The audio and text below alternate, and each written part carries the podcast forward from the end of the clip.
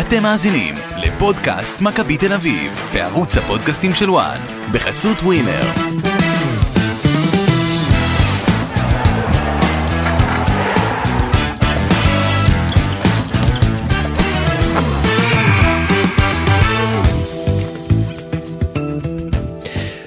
הוא העביר את רוב אה, קריירת המשחק שלו במכבי תל אביב במשך אה, 17 עונות, שיחק באתלטיקו מדריד, בדרבי קאונטי, 80 הופעות במדי נבחרת ישראל, בהן כבש 17 אה, שערים. גדול הכובשים לזכות מכבי תל אביב בכל הזמנים, עם אה, 174 שערים, 4 אליפויות עם הצהובים, 4 גביעי מדינה. לאחר פרישתו ב-2008 ועד היום, אף שחקן אחר במכבי תל אביב לא לבש את הספרה 8. עד היום אבי נימני הוא מגדולי הסמלים של מכבי תל אביב, ואחד השחקנים הגדולים של הכדורגל הישראלי לדורותיו. ועכשיו הוא מגיע אלינו לפודקאסט, לרעיון מיוחד. שלום אבי, מה נשמע? מצוין, תודה. אה, לצידי גם אה, גידי ליפקין, העורך הראשי של אתר וואן. מה קורה גידי? בסדר גמור. אבי, אה, מה, אם אתה מסכם את הרגע הכי גדול שלך במכבי תל אביב? אני לא, אני לא יכול אה, לסכם אה, רגע אחד, כי בתקופה כל כך ארוכה, זה, זה, היו פה רגעים בלתי נשכחים מבחינתי, שאני לא יכול להתמקד ברגע אחד ולהגיד, וואו, זה הרגע הכי גדול, היו לשמחתי רגעים יוצאים מן הכלל, ואם היה רק רגע אחד כזה, אז הייתי מרגיש שהמצב שלי לא טוב. לא, זה ברור. אה, נתחיל עם שאלה אחרת. ר- רז, עם אבי, אתה יודע, יש פה סיפורים שאפשר מפה, אנחנו יכולים לעשות כמה זו- מגזינים. זאת המטרה. כן. אה, אני אתחיל עם שאלה שרלוונטית אה, בעצם גם היום. אה, הייתי רוצה לשאול אותך אם אתה היית רוצה לראות מישהו במכבי תל אביב מגיע ולוקח את הספרה 8, שם אותה על הגב, מקבל גם אישור לעשות את זה, ואתה יודע, ממשיך איזשהו, איזשהו גלגל כזה שנקטע. נגיד בברצלונה מסי הלך, נתנו את ה-10 לפאטי, ניאסטה הלך, אז יש 8 אחר.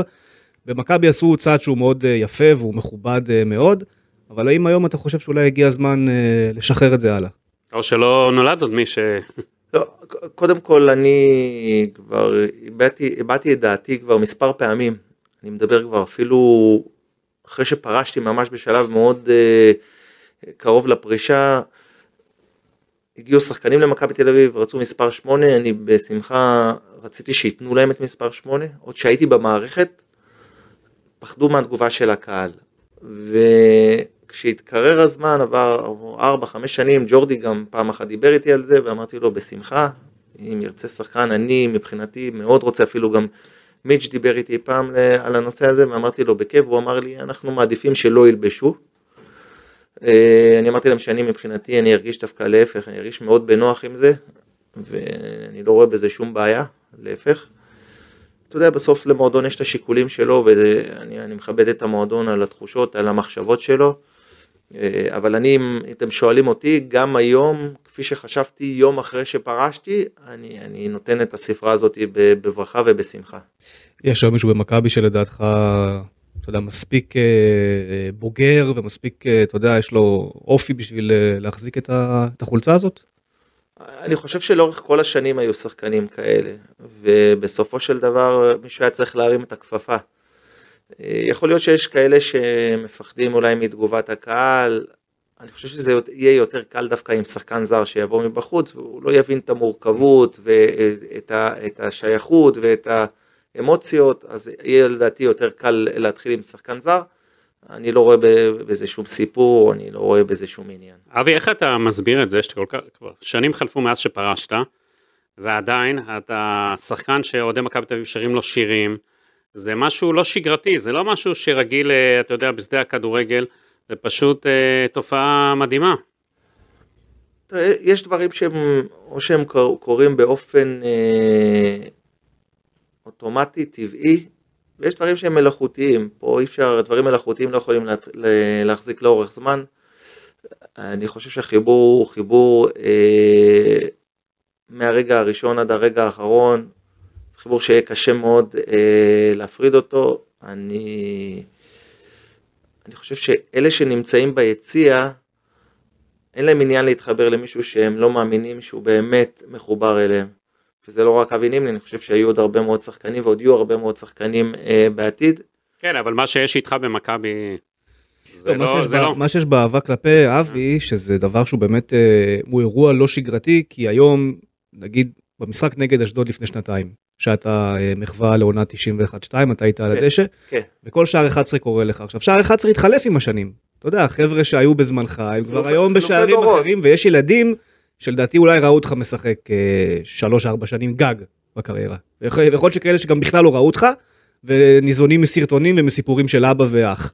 האמת שאני שואל את אותה שאלה, בדיוק כמו שהצגת אותה עכשיו, כי גם לי הדברים האלה הם קצת אה, מוזרים, אבל בגלל כל האמצעים הטכנולוגיים המתקדמים, אז אתה יודע, היום ילד נכנס בטלפון, הוא לוחץ, הוא רואה הכל, והדברים הם נראים אה, מאוד קרובים אה, גם כשהם רחוקים.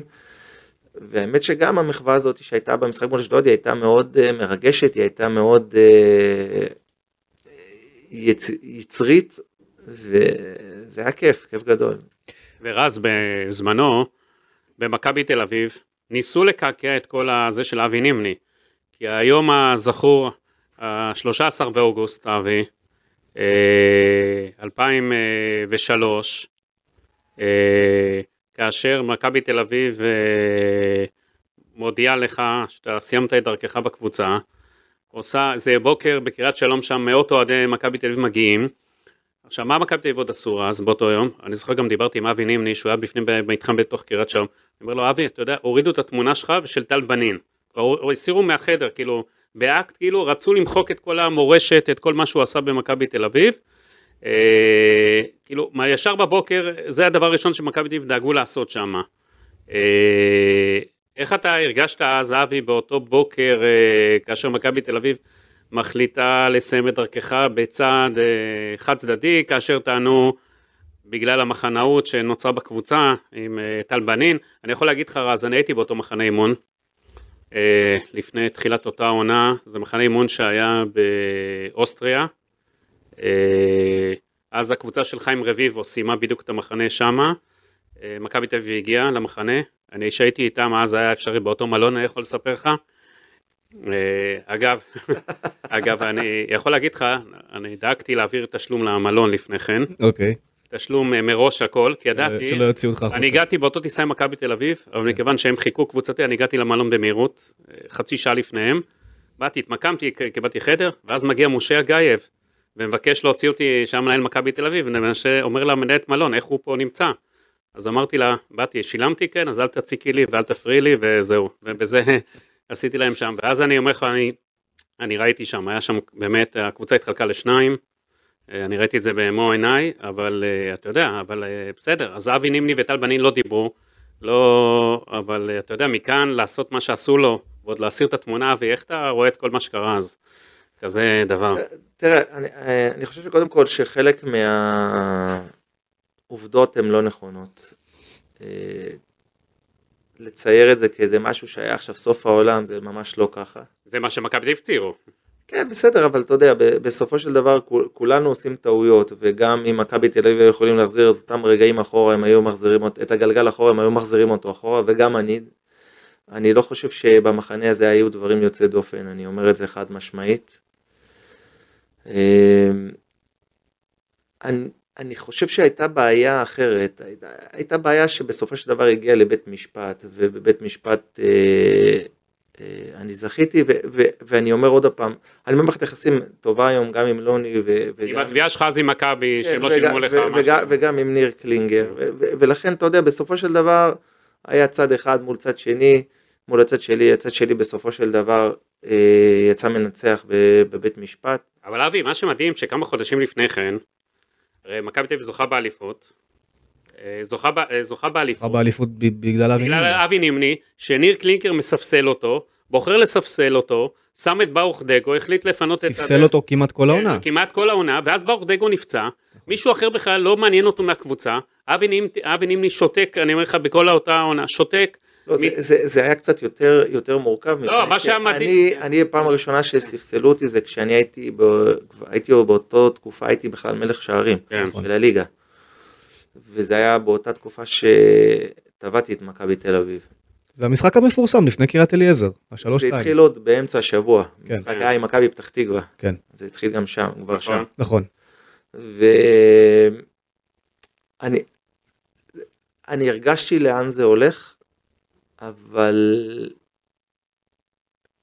הכנתי את עצמי לתקופה שהולכת להיות תקופה לא פשוטה, לא קלה, וצריך לדעת להתמודד גם עם רגעים קשים, אין מה לעשות. צריך לדעת לעבור רגעים קשים, זה לפעמים מחשל אותך, מחזק אותך, וזה מביא אותך לדעת להתמודד אה, בעתיד עם, אה, עם משברים, איך יוצאים ממשברים, איך מתגברים עליהם. וזה לימד אותי, לימד אותי לקח טוב לחיים, לדעת להתמודד, לדעת לעמוד בלחצים. אה, מי, מי הכניס שם לתוך המשוואה הזאת את טל בנין? הרי ניסו לייצר מצב שמכבי מפולגת. לא, תראה, אני, אני במערכת יחסים באמת מאוד טובה עם טל בנין, כך שאתה יודע, גם אם אה, במהלך אה, הרבה מאוד שנים שאתה משחק עם שחקן כזה או אחר, אז תמיד יש מאבקים, יש פתאום מחלוקות. למרות שאני חושב שלאורך כל התקופה עם טל בנין, אני חושב שברוב התקופה מערכת היחסים הייתה מאוד טובה. היה להם, היה להם יחסים מאוד, תקופה מאוד, טובה, אני אפילו ראיינתי את שניהם ביחד אנחנו, בזמנו. אנחנו ישנו רוב הזמן ביחד באותו חדר, אה, גם תקופה מאוד ארוכה בנבחרת ביחד, בזה, וגם במכבי. ואני חושב שזה זה, זה לא היה טריגר, טריגר הוא היה משהו אחר לגמרי. ואתה יודע, בהסתכלות אחורה, אני מבין את זה שניר קלינגר הלך עם המערכת, כי הוא היה איש מערכת בסופו של דבר. אבל אבי, מה שמדהים... הפריע, הפריע, הפריע לי כאילו ברמה האישית, בגלל שהיינו חברים, אתה יודע שהדברים נעשו ככה, אבל אתה יודע, כי אני מסתכל אחורנית, אתה יודע, תמיד כשאתה מתבגר ואתה מסתכל אחורה, לפעמים אתה לוקח את הדברים בפרספקטיבה קצת יותר אה, חיובית, ו, ולא לא בכעס. אבל אבי, אני זוכר אז שאנשים שמקורבים לברוך דגו, כל היום טפטפו נגדך בתקשורת, אבי נימני לוקח לברוך את המקום, בגלל אבי נימני ברוך לא פורץ. אני הרי הייתי אז, אני זוכר את כל ה... אני לא יכולתי להתרכז בכל הדברים האלה, כי אני חושב שברוך דגו פרח לצידי לאורך שנים, כמו הרבה מאוד שחקנים אחרים, ואני חושב שכאשר אני הייתי תמיד לצידם, אני חושב שתמיד היה להם טוב, אם זה היה אלי ביטון באותה תקופה כשאני הייתי אז הוא פרח, וראובן עובד, וברוך דגו.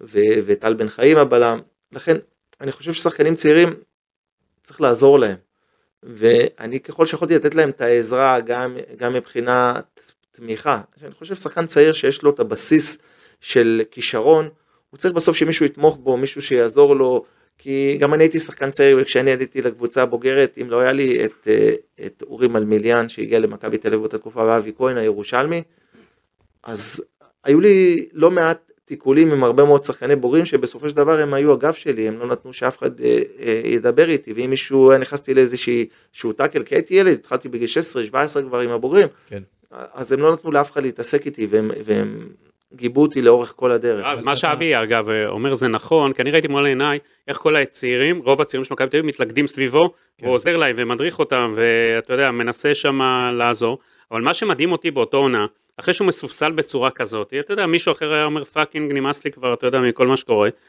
קלינגר צריך אותו, שלושה, מח... שלושה כדי להביא את האליפות. משחקים הכי חשובים של העונה. מה קורה אבי, איך אתה פתאום חוזר להרכב, ומאיזה תעצומות נפש אתה מביא יכולת... וכמה... רגע, למי שלא זוכר, היה את השלושה נגד בני יהודה, ואז הצמד נגד ביתר בטדי, ואז אה, המשחק האחרון. אני אגיד לכם מה החזיק אותי פחות או יותר. מה שהחזיק אותי לאורך כל העונה הזאת זה... זה יישמע מצחיק, זה דווקא משחקי נבחרת. אני לא, לא שחקתי באופן קבוע במכבי תל אביב, הרבה משחקים גם לא התלבשתי, בכלל לא הלבישו אותי בסגל, ואברהם גרנט נתן לי לשחק בנבחרת, ולא יודע, לא יודע, זה הכל משמיים, בסופו של דבר גם זה הצליח, גם נתתי גולים בנבחרת, כן. ואיכשהו זה החזיק אותי, ולקראת uh, סוף העונה, uh, הייתה פציעה של ברוך דגו, והוא לא, לא החזיר אותי לשחק, היה הפסד בנתניה, ואחרי זה היה עוד משחק עם מכבי פתח תקווה בבית, ויצא גם שם 0-0, וגם לא, לא התלבשתי בכלל. החזיר אותך לגביע בכלל לדעתי. ואז בדיוק, אז, ואז הגיע משחק אמצע שבוע עם הפועל רמת גן. חצי גמר. חצי גמר, ואז נעשתה שיחה עם אה, ניר שאמר לי, אה, אני מחזיר אותך לסגל ויכול להיות שתשחק. והאמת שהייתי בטוח שאני אעלה בהרכב, אבל בסופו של דבר לא עליתי בהרכב, והפועל רמת גן לדעתי הבקיעו שער די מהיר, עלו ליתרון של 1-0, אני חושב שנכנסתי דקה, אם אני, לא, אם אני זוכר נכון, סביבות דקה 35-40, אה. אם אני לא טועה, ואני חושב שהפקעתי גול אחרי כמה בפנדל, דקות, כן. אחרי כמה דקות הפקעתי גול בפנדל, אני חושב שזה היה פנדל. לא, אני לא זוכר אפילו אם זה היה בפנדל, ואני חושב שהפסדנו דקה 90 אם אני לא טועה. לא, זה דקה 90 או בהערכה? אה, לא, אני לא זוכר כבר את ה... חושב זה, דקה אבל 90. זה היה ממש לפני לדעתי. דקה 90, כן. זה השנה שהפועל רמת גן לקחה את הגביע. כן, כן, כן.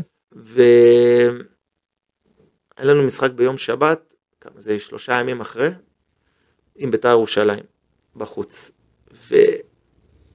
והיה בכלל, לדעתי, תוהו ובוהו מסביב לקבוצה, המון רעש, המון בלאגן, ומכבי חיפה הצליחה לצמצם את הפער, ויצאנו למשחק בטדי. וגם כששחקתי בחצי גמר הרגשתי ש... שאין לי כוח, הרגשתי שאני... קשה לי. אין לך כושר. אין לי כושר. ואני זוכר שביום חמישי, סליחה, לא, ביום שישי, היה, היה לנו אימון בוקר, והתחלתי לעבוד על, על, אה, מול השער, ממש באינטנסיביות. ובא לי טל בנין, ואומר לי, תשמע, אתה, אתה תיפצע, אתה, אתה, אתה בועט יותר מדי לשער, אתה, מחר יש משחק ואתה לא, לא שחקת הרבה זמן, ת, תעצור. ואני זוכר שמישהו, אני לא זוכר מי הגביה לי מצד ימין, ובאתי בעיטת וולה, והרגשתי דקירה קטנה.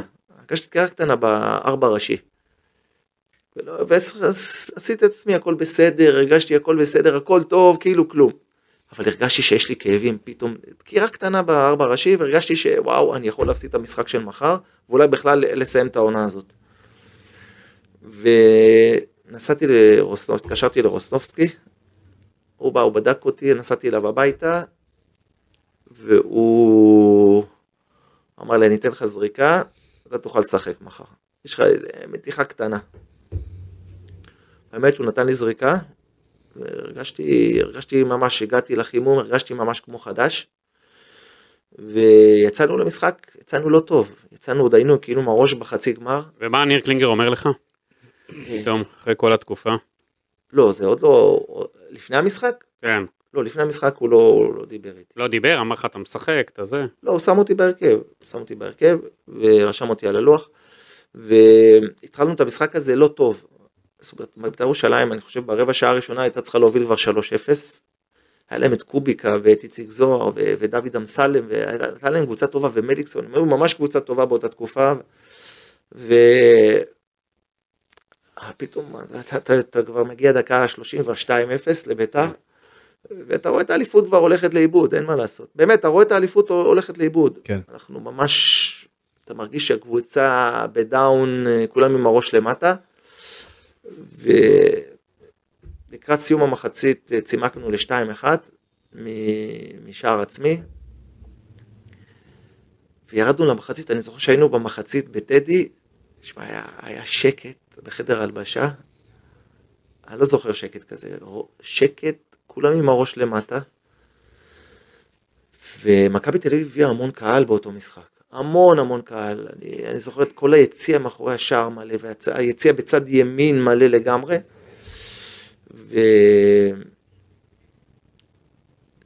וניר בא ואמר, חייבים לחזור למשחק, וצריך לזה, וניסה איכשהו לעודד אותנו, אבל ראית שכולם די... ברוכים, גמורים. די, די גמורים. ואני כל רגע מתרכז בעצמי, איך אני אוגר כוחות כדי למשוך את המחצית השנייה.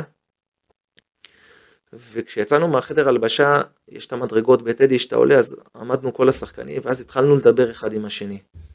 התחלנו לעודד אחד את השני, והתחלנו להגיד, יאללה, אנחנו חייבים לנצח את המשחק הזה, אי אפשר לתת לקהל הזה ללכת מפה.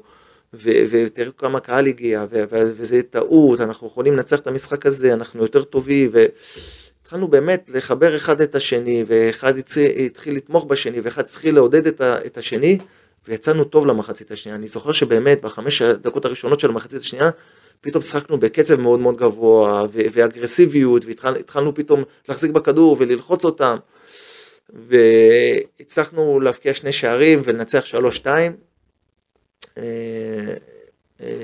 אני הפקדתי את שער השוויון דקה, לדעתי סביב הדקה 60-65, ושער ניצחון, תתקנו אותי, לדעתי דקה 80 ומשהו. 83 לדעתי. סדר גודל כזה, ו...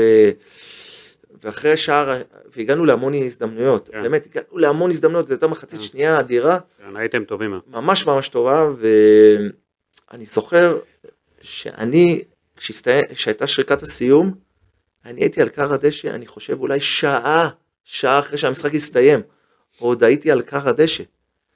כי כל היציע של מכבי תל אביב היה מאחורי השער, שאנחנו הפקענו אליו את השערים, ביחד עם היציע בצד ימין, ותחשוב, הש- הקהל נשאר שעה אחרי המשחק בתוך האצטדיון. באטרף. זה היה, זה היה קאמבק אדיר, וזה זה נתן עוד פעם תחושה שחבר'ה, אנחנו כן יכולים לקחת פה אליפות. ואני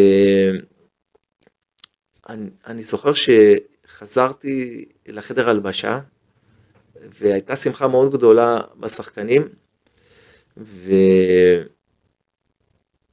אני זוכר שאף אחד לא דיבר, זאת אומרת, לא, לא מהצוות המקצועי ולא מה... כל ההנהלה הייתה שם באותה תקופה. אני הבנתי אותם, בסדר, אני, אני, אני הבנתי את הסיטואציה, אני לא, לא, לא, לא עשיתי גם מזה כזה סיפור ולא עשיתי מזה עניין.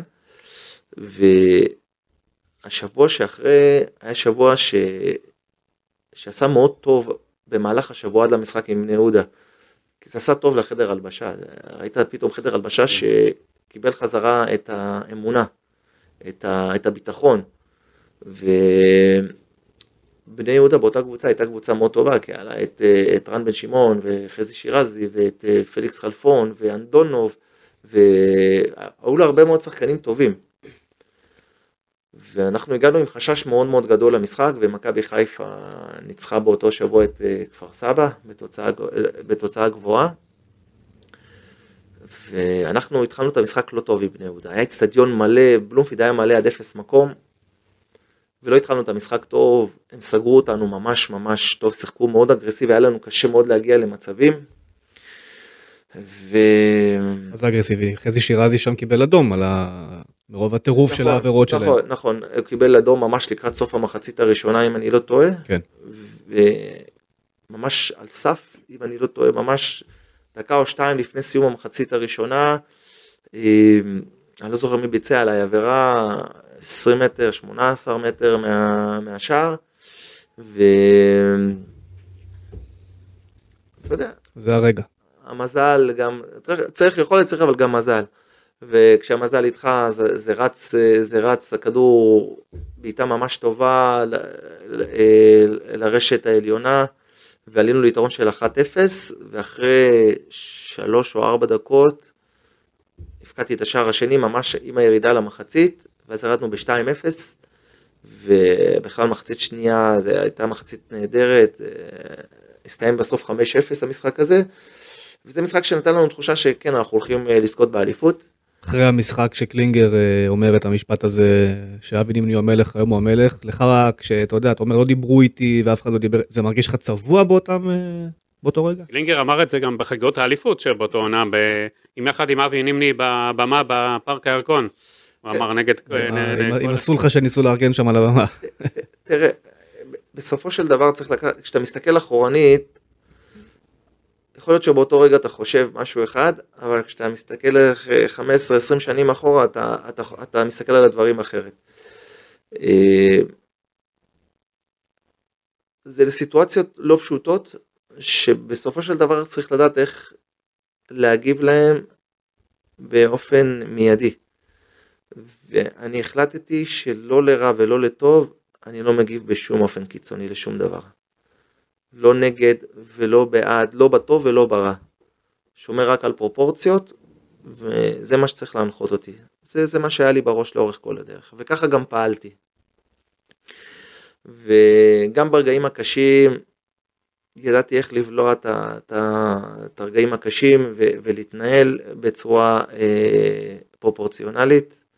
וגם כשזכינו באליפות באותה עונה, עם שמחה, ואני אומר לכם, זו הייתה שמחה בלתי נתפסת מבחינתי, זה, זה, אני, אני הרגשתי ש, שקרה לי נס, באמת, הרגשתי שקרה לי נס, ו, ואני זוכר שבאותה תקופה אני, אני כל הזמן אמרתי, תשמע, אלוהים היה איתי כל הזמן, הרגשתי, הרגשתי ככה, כי אני לא חשבתי בסיטואציה של, אם הייתם לוקחים אותי חודש וחצי או חודשיים לפני סיום העונה הזאתי, לתרחיש שיכול לקרות תרחיש כזה, אז, אז לא אתם הייתם מאמינים שיכול לקרות תרחיש כזה, וגם אני, אמיתי, אני לא מתבייש להגיד, אני לא הייתי מאמין שיכול לקרות תרחיש כזה. לכן כל הזמן הרגשתי שאלוהים היה איתי לאורך כל הדרך בתקופה הזאת, ו, ו, ועזר לי. עזר לי, כי לבוא ולשחק כמה משחקים ברצף, שאתה לא משחק יחסית תקופה ארוכה, ו, ו, ולא להיפצע, ו, וגם להצליח במשחקים האלה, תאמין לי, זה לא, זה לא, זה לא רק יכולת, אתה צריך פה מישהו שידחוף אותך. ואני הרגשתי שהייתה לי את הדחיפה הזאתי, אה, זאת הייתה שמחה ממש ממש גדולה באותה עונה, שמחה, אתה יודע מה, אני, תוך כדי משחק אפילו עם הפועל פתח תקווה, וכבר שהגע- שכבשתי את השער השלישי, אני כל הזמן, הראש שלי כבר, הוא חשב, איך, מה, מה עושים בסוף המשחק, כאילו, זאת אומרת, איזה שמחה כבר יכולה להיות פה, אתה, יודע, אני כל הזמן חושב, אני אומר, מה, מה זה אמיתי, אני כל הזמן מרגיש שאני בחלום, שאחרי השער השלישי הרגשתי שאני בחלום, בדקות שנשארו עד סוף המשחק, שזה לא היה הרבה זמן, אבל אני הרגשתי שאני בסוג של חלום, אם זה מציאות או חלום, מציאות או חלום. מה זה אמיתי, מה אנחנו לוקחים אליפות, מה אני משחק? זה, זה דברים שאתה יודע, אנשים שמסתכלים עליהם אומרים, מה ככה הוא חשב? כן, אבל ככה אני חשבתי. והייתה שמחה גדולה, אתה יודע, בסוף צריך לקחת דברים בפרופורציה וגם להישאר עם הרגליים על הקרקע, כי הכי קל זה ללכת לאיבוד. ואני, לשמחתי, בחרתי להישאר עם הרגליים על הקרקע. יש, יש רגע בקיץ שאחרי, עוד לפני היום שזורקים אותך, שאתה מתחיל להרגיש שמשהו מתבשל נגדך? אני לא חושב שהאישו היה הקיץ בכלל. אני חושב ש... הסיטואציה שהייתה בע- בעונת האליפות היא נשארה אותה סיטואציה, זה לא שהיו את חגיגות האליפות וזהו וזה נגמר. חגיגות האליפות האלה נגמרו והסיטואציה נשארה אותה סיטואציה, כי התביעה נשארה אותה תביעה בבית משפט, והכל נשאר אותו דבר בסופו של דבר. לכן אני, אני, אני, אני, אני לא ראיתי מבחינתי משהו שהשתנה.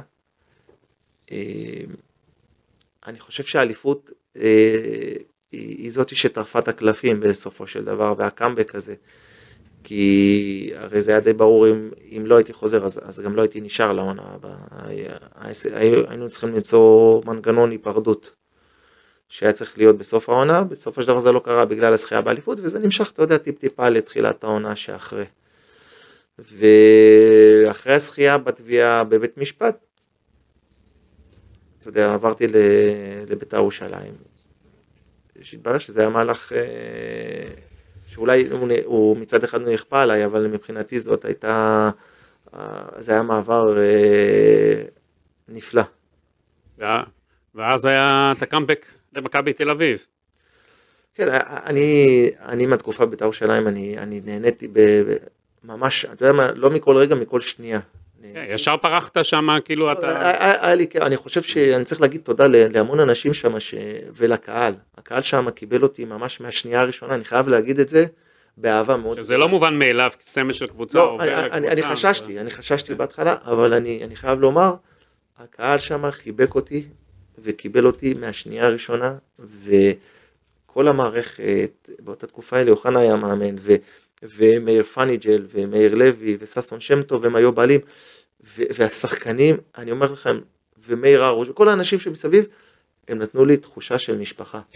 אהבה, תמיכה, זה, זה, זה, היה, זה לא היה מובן מאליו, אני אומר לכם, זה נראה כאילו מובן, זה לא מובן מאליו, ו, ולכן אני, אני, זה מועדון שאני לא אשכח אותו לעולם, ואני תמיד היו- יקר לליבי. היו שמועות באותם אה, ימים עד שעברת לביתר על הפועל תל אביב ומכבי חיפה. תראה, זה לא שמועות, זה, זה עובדות. מה, מה היה באמת שם בהצעות האלה? אתה דיבר איתי מושיק תאומים שהיה באותה תקופה בעלים של הפועל תל אביב, הוא, הוא אמר לי, אני יודע מה אתה מרוויח, מה הרווחת, אנחנו יכולים לתת לך יותר, תחשוב על זה. ואמרתי לו, אמרתי לו תודה על ההצעה, ואמרתי לו זה לא משהו שאני יכול לעשות אותו. אה, זה לא משהו גם שיעבור לא אצל האוהדים שלכם, ואני בוודאי לא יכול לעשות את זה לקהל של מכבי תל אביב, ולא, אני לא שם, אני לא, הכסף לא יכול לקנות אותי. והוא אמר לי, אני, אני מעריך מאוד את התשובה, אני מכבד אותה גם מאוד. והאמת שאני, עם ינקלה שחר אנחנו נפגשנו, וישבנו, והוא נתן לי הצעה, בסופו של דבר, אה, אחרי שיצאתי מהמשרד של ינקלה, אמרתי שאני רוצה לחשוב. ובערב התקשר אליי אה, מאיר פאניג'ל, ואמר לי, אני יודע שישבת עם, אה, עם מכבי חיפה, ואני יודע שגם הפועל תל אביב רוצים אותך, וצריך לקחת בחשבון שבית"ר ירושלים באותה תקופה הייתה במקום האחרון בליגה. ומכבי חיפה והפועל תל אביב היו מקום ראשון ושני, ביחד, לא סליחה, אשדוד הייתה במקום הראשון, ביחד עם הפועל תל אביב ומכבי חיפה. אשדוד הייתה עם חיים רביבו, באותה תקופה עם קבוצת כוכבים. הם היו אותם נקודות והם היו במקום הראשון. והתקשר אליי מאיר פניג'ל וששון שם טוב זיכרונו לברכה היה על הקו ומאיר לוי ואז הם אמרו לי תשמע אנחנו מאוד רוצים שתבוא לביתר אנחנו בבעיה מאוד גדולה אנחנו לא יכולים לשלם את הכסף שמכבי חיפה הציעו לך. ואז אמרתי להם מה אתם כן יכולים לשלם מכבי חיפה הציעו לי חוזה לשלוש שנים עם אופציה לעונה נוספת בא לי מאיר פניג'ל והוא אומר לי, אבי, אנחנו מוכנים לתת לך חוזה לשנה וחצי. על זה אנחנו יכולים להתחייב, ואנחנו נמתח את עצמנו למקסימום מבחינת המספרים. אמרתי לו, עזוב רגע את המספרים, תן לי לחשוב על זה. ואז אה, הלכתי, האמת, חשבתי עם עצמי. התייעצת עם מישהו או רק עם עצמך? דיברתי עם אבא שלי ועם אמא שלי, דיברתי עם אשתי כמובן, ו... אחרי שדיברתי עם כל ה... עם חברים שלי, חברים קרובים, החלטתי לקחת לי איזה שעתיים לבד. הלכתי, הסתובבתי עם עצמי קצת לבד, ובסופו של דבר. הלכת לחוף הים? כן, כן, קרוב לבית. ובסוף קיבלתי החלטה, זה דווקא היה יום, יום גשום. אה, כן. וקיבלתי החלטה, אני הולך לבית"ר ירושלים, כשלא ידעתי עוד מה המספרים. לא ידעתי מה המספרים. והתקשרתי, אני זוכר זה היה בשעה עשר וחצי, אחד, עשר וחצי בלילה, התקשרתי למאיר פניג'ל, ואמרתי לו, תשמע, אני החלטתי שאני הולך לבית"ר ירושלים, אם נסתדר על המספרים, אבל אני החלטתי ללכת לבית"ר ירושלים. ואז היה שקט בצד השני.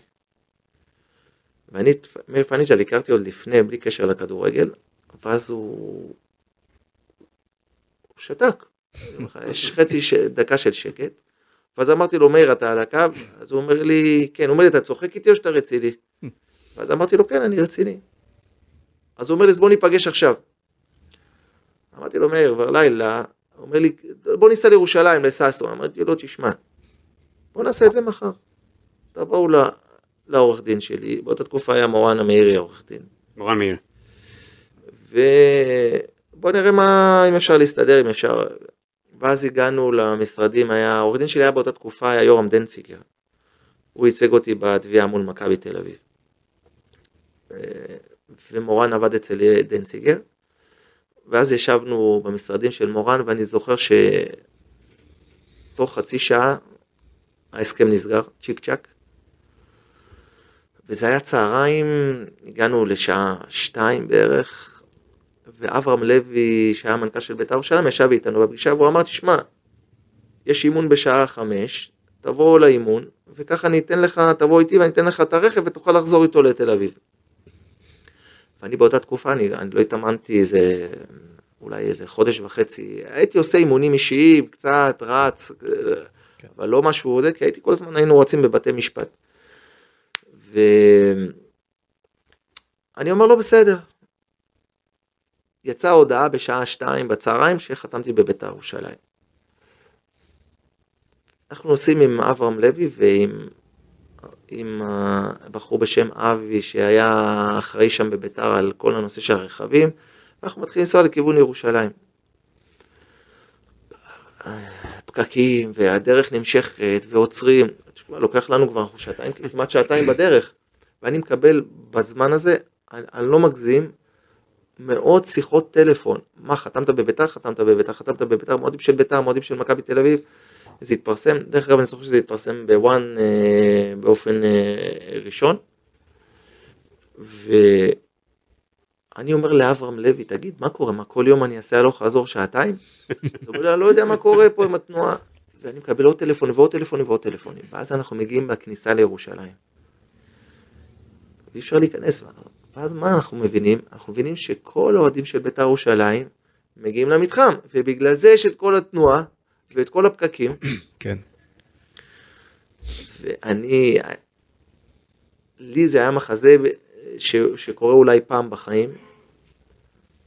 אנחנו מגיעים עם אין ספור ניידות של משמר הגבול, לפנינו, מאחורינו, ואנחנו מגיעים למעלה מבית חולים שערי צדק, אתה רואה את זה מהגבעה, אתה רואה את כל בית וגן, אתה רואה נחילים של אנשים. אתה לא רואה כלום, רק נחילים של אנשים. וזה היה מחזה מדהים, כי גם כשהגענו עם הרכב, פתאום אתה ראית את כל האוהדים עומדים על הגגות, כל הגגות נשברו בבית"ר ירושלים, וכולם נפלו, ו- ולמזלנו לא קרה לאף אחד שום דבר. ו... אז היו שם לדעתי עשרת אלפים איש. וזאת הייתה קבלת פנים, פנים שאני לא, לא חלמתי שיכולה לקרות בכלל. ובאותו שבוע היה משחק מקום אחרון נגד מקום ראשון. בית"ר ירושלים נגד אשדוד. נכון, הפקת הגול. והמשחק היה ביום ראשון. השבוע הזה היה שבוע מוזר, כי אני עשיתי אימונים בהדרגה, אתם יודעים, להיכנס טיפה לכושר, לא כושר בסיסי, והגיע יום רביעי ואני מקבל אין ספור שיחות טלפון מאנשים שרוצים לבוא למשחק. לא אוהדים של בית"ר ירושלים, אוהדים של מכבי תל אביב, חברים שלי שגרים בכלל בחו"ל, רוצים להגיע למשחק. אז אני אומר להם אין בעיה, אני רואה את הכמות, את, את, את, את כל האנשים שרוצים להגיע למשחק, ואז אני פניתי לאברהם לוי ואמרתי לו, תשמע, אני רוצה לקנות 200 כרטיסים. ואז הוא אומר לי, מה 200 כרטיסים? אני רוצה לקנות 200 כרטיסים, יש לי הרבה מאוד אנשים שרוצים לבוא. תעשו לי איזה, איזשהו מחיר. אז הוא אמר לי, תדבר עם מאיר פניג'ל. אני מדבר עם מאיר פניג'ל, ואז הוא אומר לי, 200 כרטיסים, אין בעיה, בוא, אני אעשה לך הנחה, תקנה 200 כרטיסים. הוא אומר לי, כמה יבואו למשחק הזה? 5,000 איש במקרה הטוב. אני אומר, טוב, אני קניתי 200 כרטיסים, זה היה יום רביעי. ביום חמישי מתגברות השיחות, אני מקבל אין ספור הודעות, כולם רוצים להגיע למשחק, עוד אנשים ועוד אנשים ועוד אנשים. אני אומר לו, תגיד, ביום חמישי כמה כרטיסים הוצאתם? אז הוא אומר לי, הוצאנו 5,000.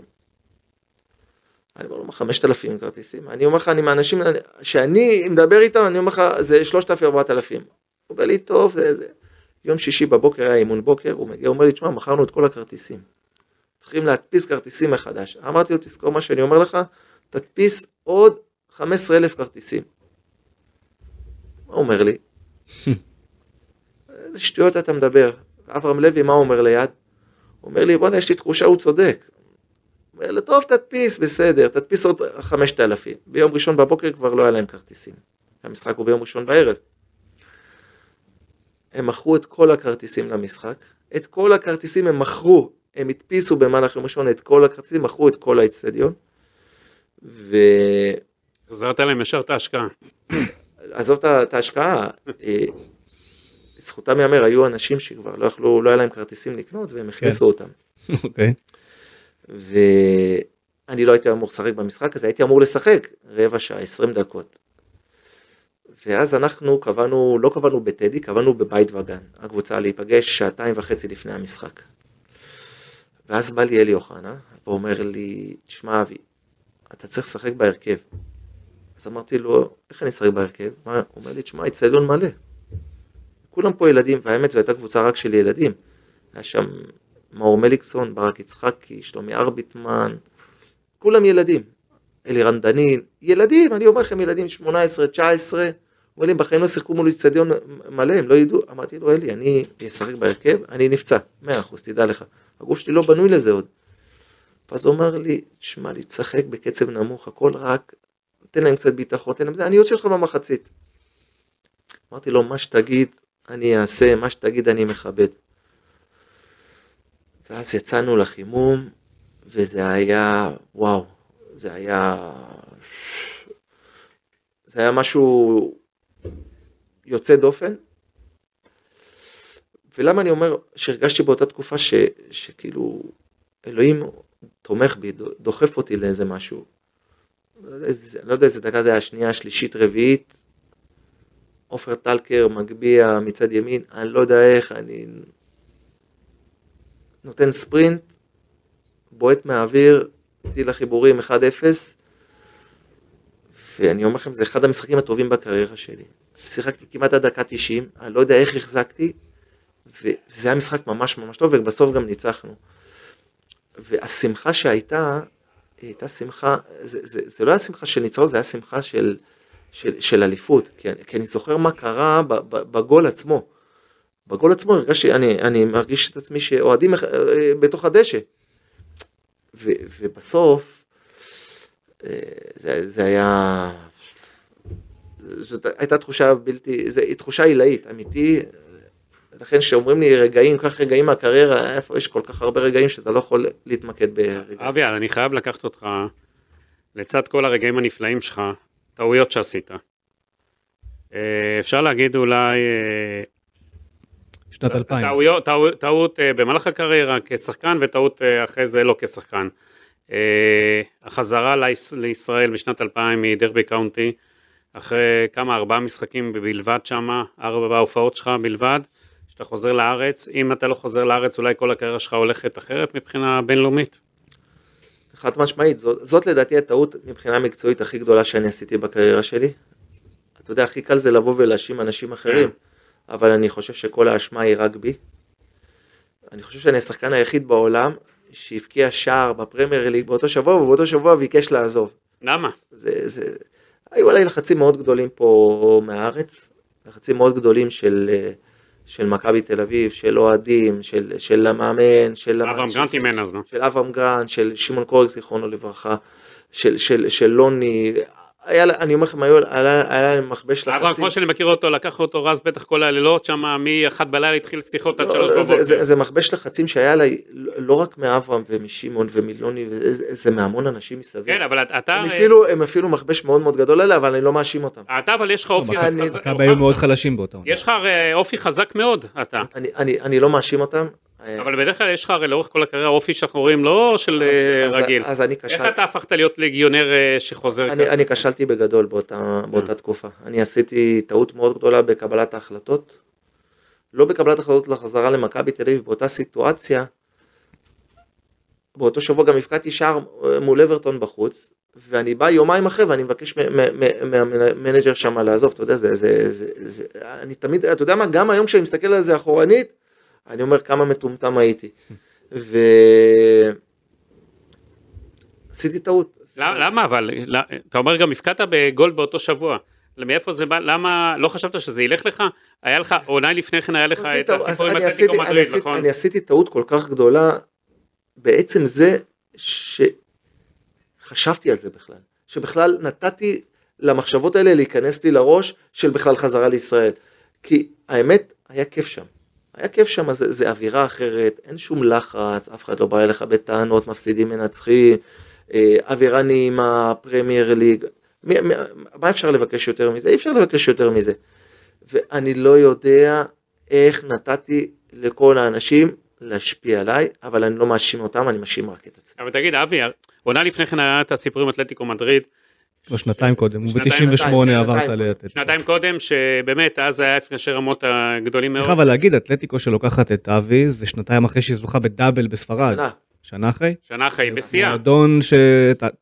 אני לא יכול להגיד לו לא בשום שלב גם. סיפור אתלטיקו הוא סיפור מצחיק, כי אתלטיקו שיחקה באותה תקופה במפעלים האירופאים. והייתה קבוצה, לדעתי, באותה תקופה הכי טובה באירופה. ואני זוכר שאני באמצע השבוע רואה אותם.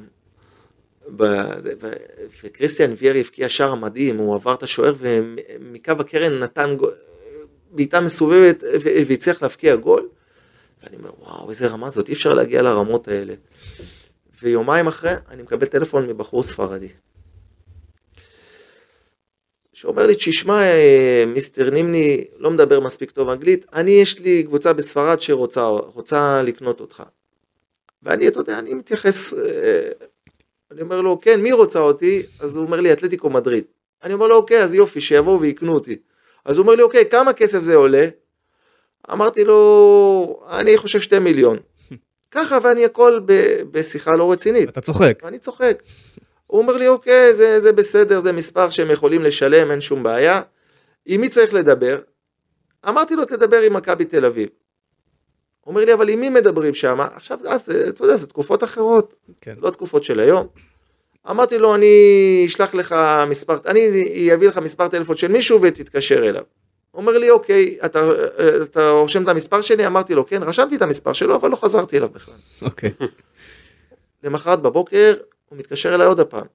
קראו לו קרלוס. אז הוא אומר לי, אתה לא חזרת אליי, אנחנו רוצים להתקדם, אין הרבה זמן.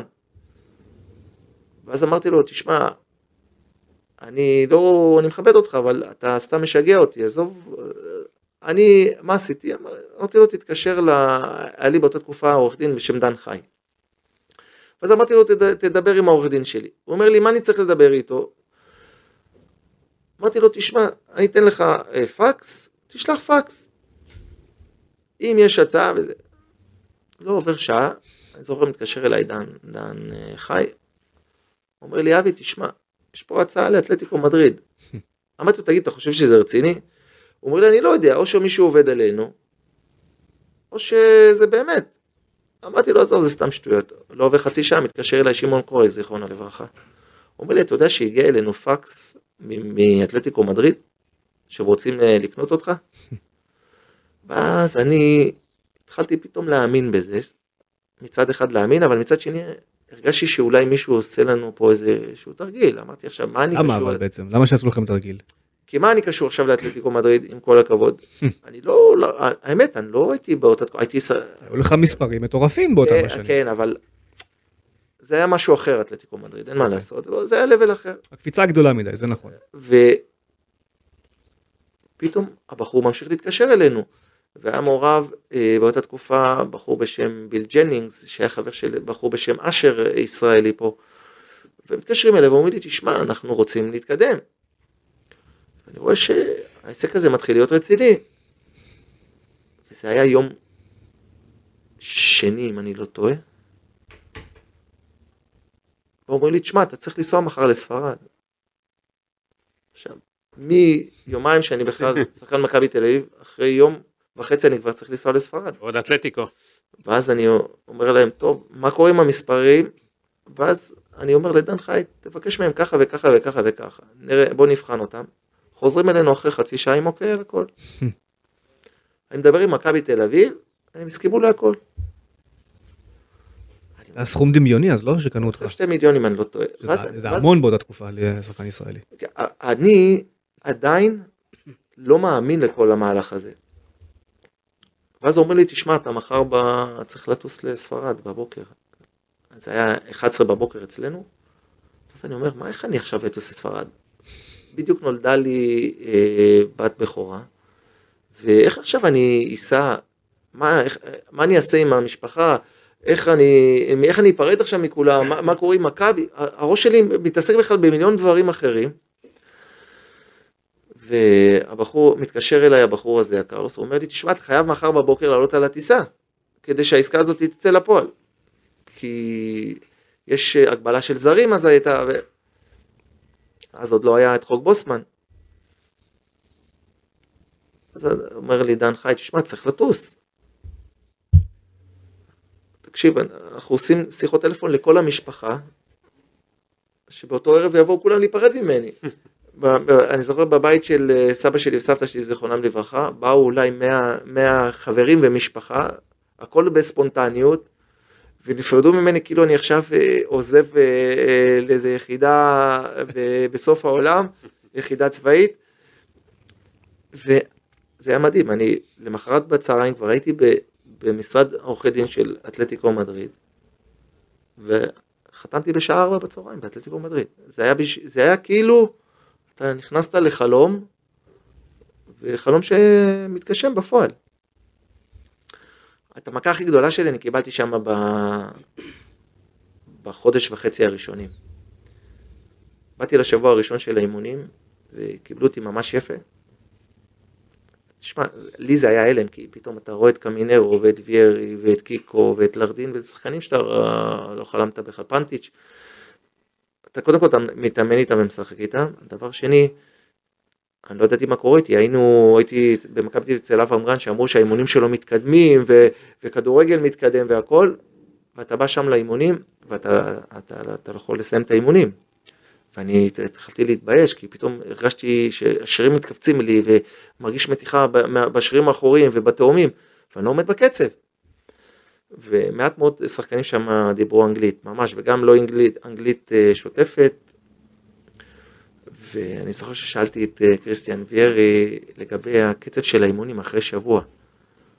אמרתי לו, מה קורה? מה, האימונים כל כך אה, קשים ואינטנסיביים? הוא אומר לי, זה האימונים הכי קלים מפתיחת העונה.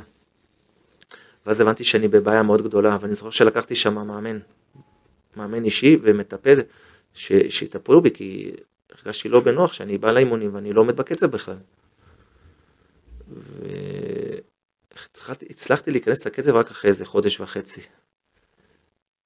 אבל לומר את האמת, אז באותה תקופה היו מתלבשים רק 16 שחקנים.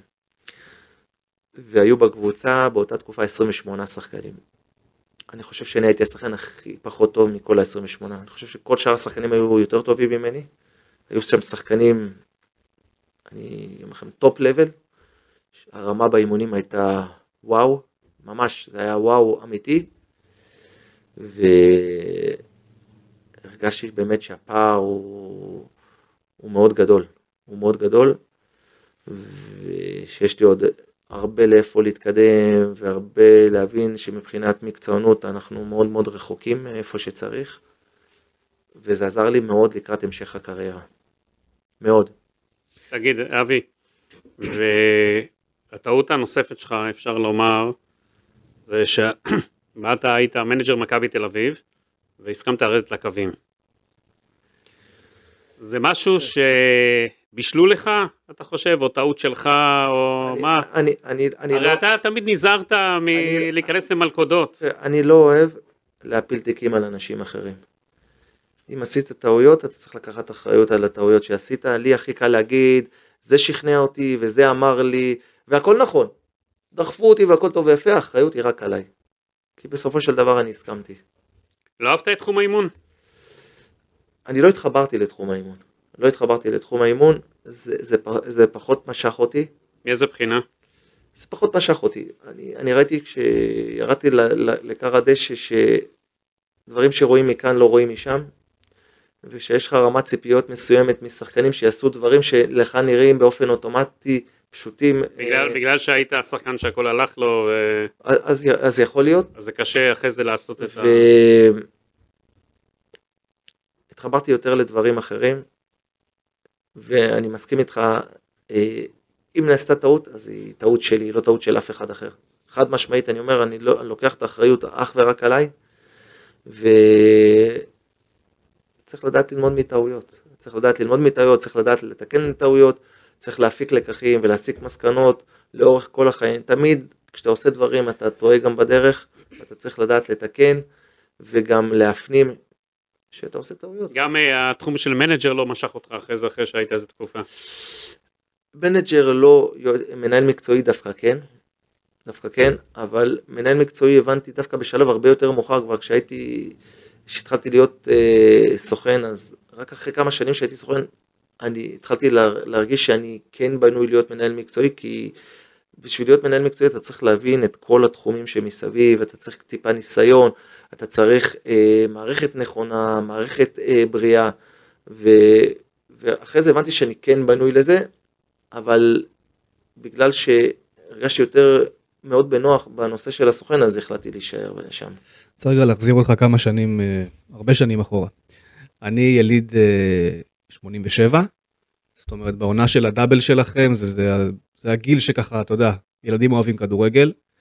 ואני זוכר כילד, אתה יודע, מסביבי זה היה או מכבי חיפה או מכבי תל אביב, לא היה, לא הייתה אהדה לקבוצות אחרות, אתה יודע, זה לא היה, כילדים לפחות.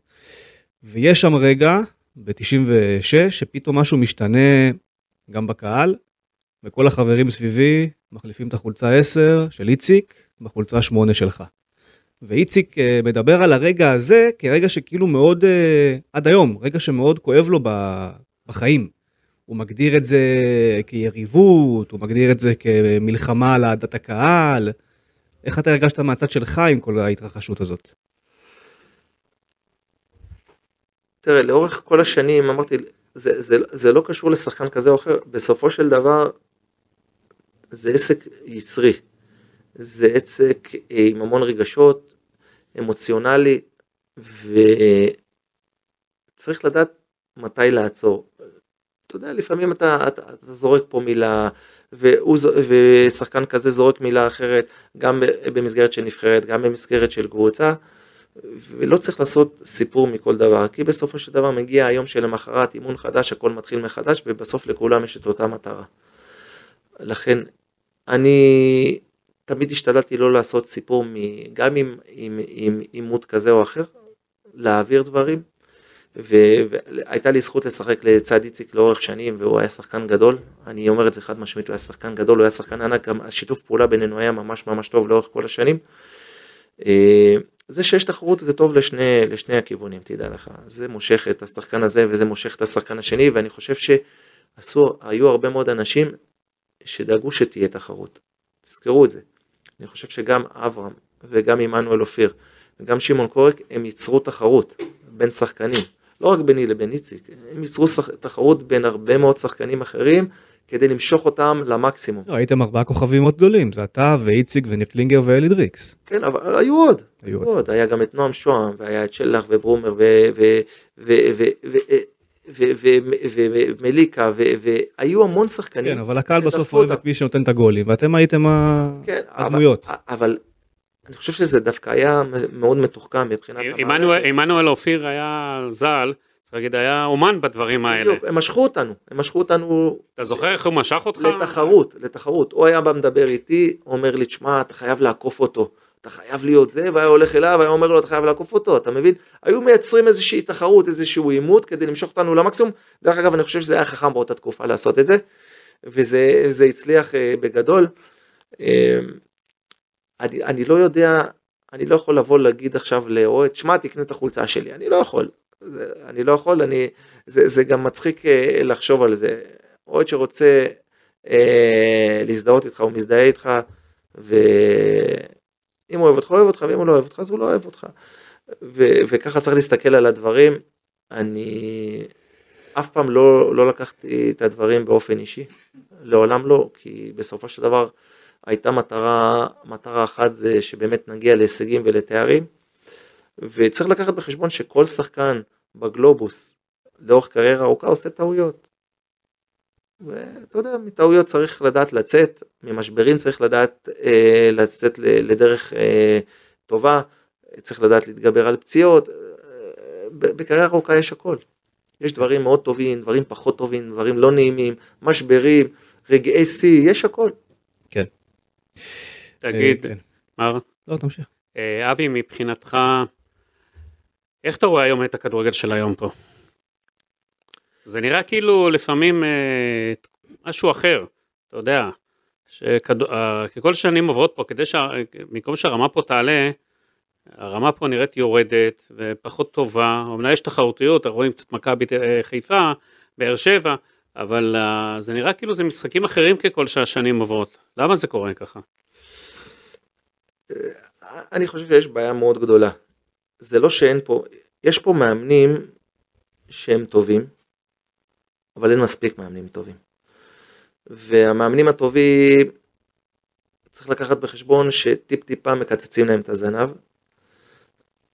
ואני חושב שהכדורגל הישראלי יעשה אחד התהליכים הכי חשובים לכדורגל הישראלי כדי להשתפר, שדבר, זה, זה משהו שהיה צריך לעשות ממזמן, זה צריך להביא לפה מודל מאוד מצליח של בית ספר למאמנים, ולתת להם את ההכשרות הכי נכונות, את הכלים הכי נכונים להצלחה, ולעשות פה רף מינימום של שכר מינימום למאמנים, גם במחלקות נוער, בטח בקבוצות, ב- בליגות בחירות, כדי לתת למאמנים את הכלים להצליח, כי מאמן שהוא טוב, והוא עובר את ההכשרה ברמה הגבוהה ביותר, ואת הקורסים ברמות הגבוהות ביותר, הם יהפכו גם ילדים צעירים לשחקנים הרבה יותר טובים. כן. היום מאמנים צריכים להתעסק בהישרדות היומיומית שלהם. הם לא מתעסקים באימון כעבודה מועדפת. וברגע שיהיו מאמנים, ואני חייב להגיד לכם, בעבר היו מאמנים יותר טובים. אוקיי. אוקיי. כן. בעבר היו מאמנים, אני אומר לכם, היו יותר טובים, היה את דרור קשטן, והיה את צביקה רוזן, והיה את שלמה שרף, והיה את יצחק שום, והיה את אברהם גרנט, והיה את אה, אלי כהן השריף, במה הם היו יותר טובים? הם, הם, אני לא יודע אם יותר טובים, הם היו יותר סמכותיים, הם היו יותר עם כריזמה, אה, היה את לופה קדוש, היו, מאמנים שהם היו אוטוריטות, ו, וגם אם הם היו פחות, היה דוביד, היו מאמנים שהם מאמנים של פעם, שניאור גודמן, אני זוכר שהם אימנו אותי עוד, אתה, זה, יכול להיות שהיה להם אולי פחות ידע, אולי היו להם מינוסים כאלה ואחרים, אבל אתה ראית שיש מישהו, מישהו עם סמכות, מישהו שאתה יודע שאתה צריך, אה, אה, שאתה, יודע, שאתה יכול לסמוך עליו, אתה יודע שמישהו שיגבה אותך ברגעים פחות טובים. היום המאמנים, לדעתי, לוקחים להם את הכוח הזה, כי... בעלי הקבוצות מסרסים? הם לא מסרסים, אני חושב שבעלי הקבוצות מסתכלים על הדברים בצורה אחרת. פעם הם לא היו ככה.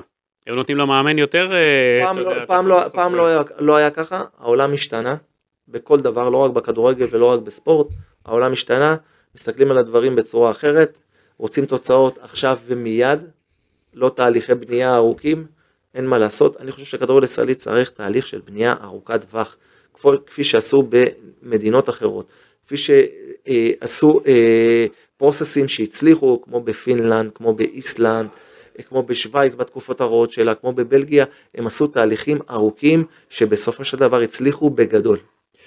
אתה היום אה, משמש כסוכן שחקנים, ואין מה לעשות, הזיהוי שלך מול מכבי תל אביב הוא יהיה לנצח הרי. וכאילו יש מין תחושה שבגלל שאתה מזוהה עם מכבי אז הקהל מצפה שתעשה דברים לטובת מכבי תל אביב. אם יש לך שחקן טוב אז שלא תוציא אותו. או שאם יש לך שחקן מיוצג במקום אחר אז אה, תמשוך אותו למכבי תל אביב וזה הרי לא, זה לא יכול לעבוד באמת. זה, זה לא יכול לעבוד באמת, חד משמעית, אתה, התשובה היא בגוף השאלה. אני אעשה את הכל קודם כל בשביל השחקן, אין קשר אם הוא שחקן מכבי תל אביב או מחוץ למכבי תל אביב.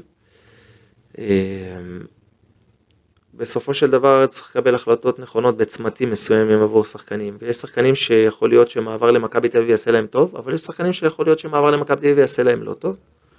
כפי שראינו שזה קרה בעבר לא מעט פעמים. ולהוציא שחקנים ממכבי תל אביב, זה, בין אם זה לא יהיה אני, אז זה יהיה מישהו אחר שיוציא אותם. כן. אז זה, זה, זה ממש לא משהו שתלוי בי, כי שחקנים בסופו של דבר באופן טבעי הם רוצים להתקדם. יש כאלה שיש להם חלומות חו"ל, ויש שחקנים שצריך לקחת בחשבון שאין להם עניין של זהות עם מועדון, יותר מעניין אותם הרקע הכלכלי והרקע המקצועי להתקדם אה, החוצה, וגם אפשר להבין אותם על כך. אה, לכן אני, אני מבין את, ה, את הסוגיה הזאת ואני מתנהל בהתאם. למשל, אוסקר, הוא, הוא, הוא קיבל החלטה נכונה. אני חושב שההחלטה הלא נכונה הייתה דווקא של מכבי תל אביב. כי מכבי תל אביב יכלה לשמור את אוסקר לפחות לשלושה חודשים האלה.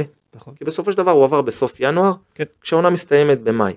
נכון. אז יש פה שלושה, שלושה וחצי חודשים. אז מכבי תל אביב, אם הוא היה עובר במאי, לא היה קורה שום דבר, לא לאוסקר אתם מסכימים איתי שלאוסקר לא היה קורה שום דבר? ברור. וגם למכבי תל אביב רק הייתה מרוויחה מהמהלך הזה. כי אני חושב שאם אוסקר נשאר, אני חושב שמכבי תל אביב הייתה נאבקת על האליפות. אני אומר את זה חד משמעית, תזכרו מה שאני אומר לכם. אם אוסקר נשאר, מכבי תל אביב סיכוי גבוה שהיא כן נאבקת על האליפות. כי הוא לדעתי השחקן הכי טוב של מכבי תל אביב. הכי טוב בישראל אולי. אני מסכים איתך. ומבחינה מקצועית המעבר שהוא עשה עכשיו לאוסטריה הוא מעבר טוב. כן. כי, כי הליגה האוסטרית היא ליגה נוחה. היא ליגה נוחה, היא ליגה שמשחקת פתוח, אין שם בונקרים, ו... ו... היא נוחה. היא נוחה מאוד. ראינו את כל השחקנים הישראלים שיצאו, כולם היה להם נוח באוסטריה. כן. אני זוכר שדבור היה שם, נסעתי המון פעמים, ראיתי משחקים, אמרתי חבר'ה, הליגה הזאת היא ליגה יותר נוחה מהליגה הישראלית. אני אומר לכם אמיתי, כי הליגה הישראלית באות הרבה מאוד קבוצות, עושות בונקר, סוגרות, קשה לשחקנים לבוא לידי ביטוי. ליגה אוסטרית משחקת פתוח, התקפי, וזה מקום מצוין לשחקנים צעירים לצאת החוצה. לאן אתה רואה את אה, אוסקר מגיע? תראה, אוסקר בגלל אה, שהוא בחור מאוד חכם ויש לו אופי מאוד טוב יחסית לגיל שלו, שזה מאוד מאוד חשוב. חבר'ה, אני לא מדבר על היכולת, שימו לב, כן. אני מדבר על האופי. כן, כן. תכף נתייחס ליכולת. הוא בן 19. אופי נהדר, הוא תחרותי, הוא מאתגר את עצמו, הוא מקצוען. הגיל שלו הוא מקצוען טופ, ואני חושב שמבחינת הכישרון שלו הוא מוכשר מאוד, וגם זה בחור שישדרג את עצמו עם הזמן. הוא מפנים מהר, הוא לומד מהר, וכל הנקודות תורפה שיש לו הוא משפר אותם. אני חושב שזה שחקן שילך ויהיה כל הזמן יותר טוב. כל הזמן יותר טוב, לכן אני חושב ששנה, השנה הזאת באוסטריה ועוד שנה באוסטריה, יעשו לו קפיצת מדרגה אדירה, אדירה. סיפרתי באחד הפרקים האחרונים שעשינו על מכבי תל אביב, שלפני ארבע שנים באת לשדר איתי משחק בליגה הספרדית, ובאת מהבוקר מקריית שלום, ואמרת לי, למכבי יש שחקן, הוא היה אז בן 15, זה היה נערים אה, ב' או ג' אפילו באותה תקופה. אמרת לי, יש להם שחקן שאני לא ראיתי דבר כזה בכדורגל הישראלי עדיין. והמפתיע זה שכולם חשבו ככה, ועדיין מכבי תל אביב בהתנהלות שלה מול אוסקר, הגיע כל הזמן לרגע האחרון שהיא עם הגב אל הקיר. כל הארכת חוזה היא הייתה עם הגב אל הקיר. עכשיו, מה, לא ידעו לזהות את זה בתוך מכבי כמועדון, את הפוטנציאל הזה? אי אפשר לעצור שחקנים. אתה יודע, הכי קל גם לבוא ולהפיל על מכבי תל אביב את כל התיק, אי אפשר לעצור שחקנים. אני חושב שמכבי תל אביב הייתה צריכה לתת לאוסקר לצאת, אבל בסוף העונה. ולא לתת חלון באמצע העונה. אני, אני לא רואה סיבה לתת חלון באמצע העונה, כן. כאשר הפער בין אמצע העונה בין ינואר לבין מאי הוא שלושה וחצי חודשים. אז הפער הזה זה לא מה שיעשה את ההבדל לא לאוסקר ובטח לא למכבי תל אביב, לכן אני חושב שהטעות הגדולה ביותר זה האפשרות לצאת בחודש ינואר. זאת אומרת החוזה האחרון הוא הטעות הכי גדולה. עושים טעויות, גם אני כן. עשיתי טעויות אה, לאורך כל הדרך, ו, ומטעויות צריך אה, אה ללמוד. אבי, איך אתה רואה בכלל את הניהול במכבי תל אביב? תראה, מכבי תל אביב עשו הרבה מאוד דברים מבחינת הניהול, טובים, אבל גם עשו טעויות. ואני חושב שמהטעויות צריך ללמוד. מכבי תל אביב לא יכולה שלוש שנים לא לקחת אליפות.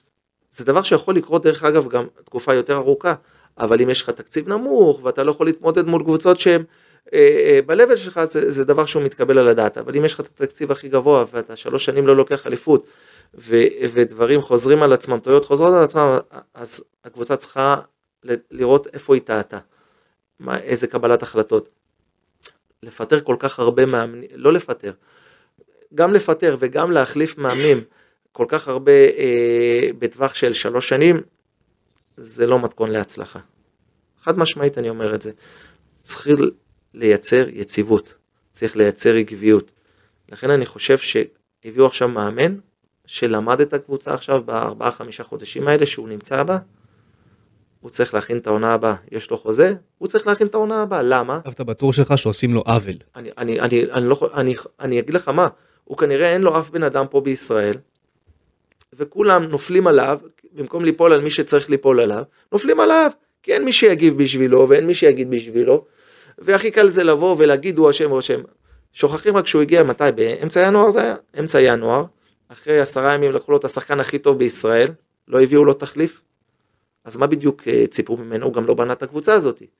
אז עצם זה שהוא נמצא איפה שהוא נמצא היום, אני חושב שהוא, מצ... ש... שהוא שומר על היציבות. שומר, ייצב את הספינה, ייצב את הקבוצה, הקבוצה אה, גם אם מאמן אחר היה בא, לא, אף מאמן אחר לא היה עושה הוקוס פוקוס במכבי תל אביב ומצעיד אותה לאליפות, אני לא חושב. ועצם זה שיש פער עצום כזה ממכבי חיפה בשלב כזה של העונה, זה אומר שיש בעיה.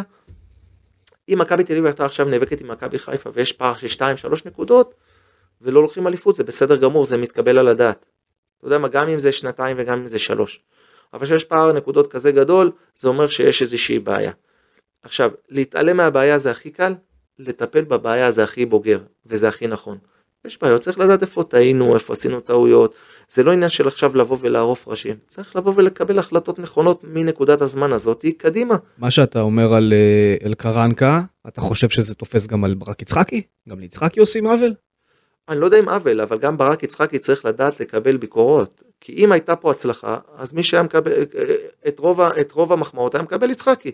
אז גם כשיש חוסר הצלחה, אז ברק יצחקי צריך לדעת לקבל את הביקורת הזאת ולא לקחת אותה למקומות לא טובים.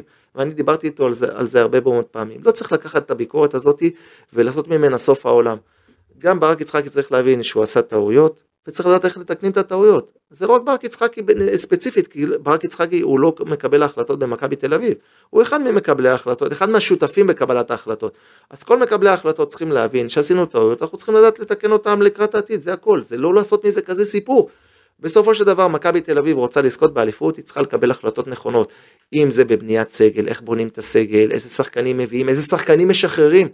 אני חושב שקרנקה אמר דבר אחד מאוד מאוד נכון וחכם.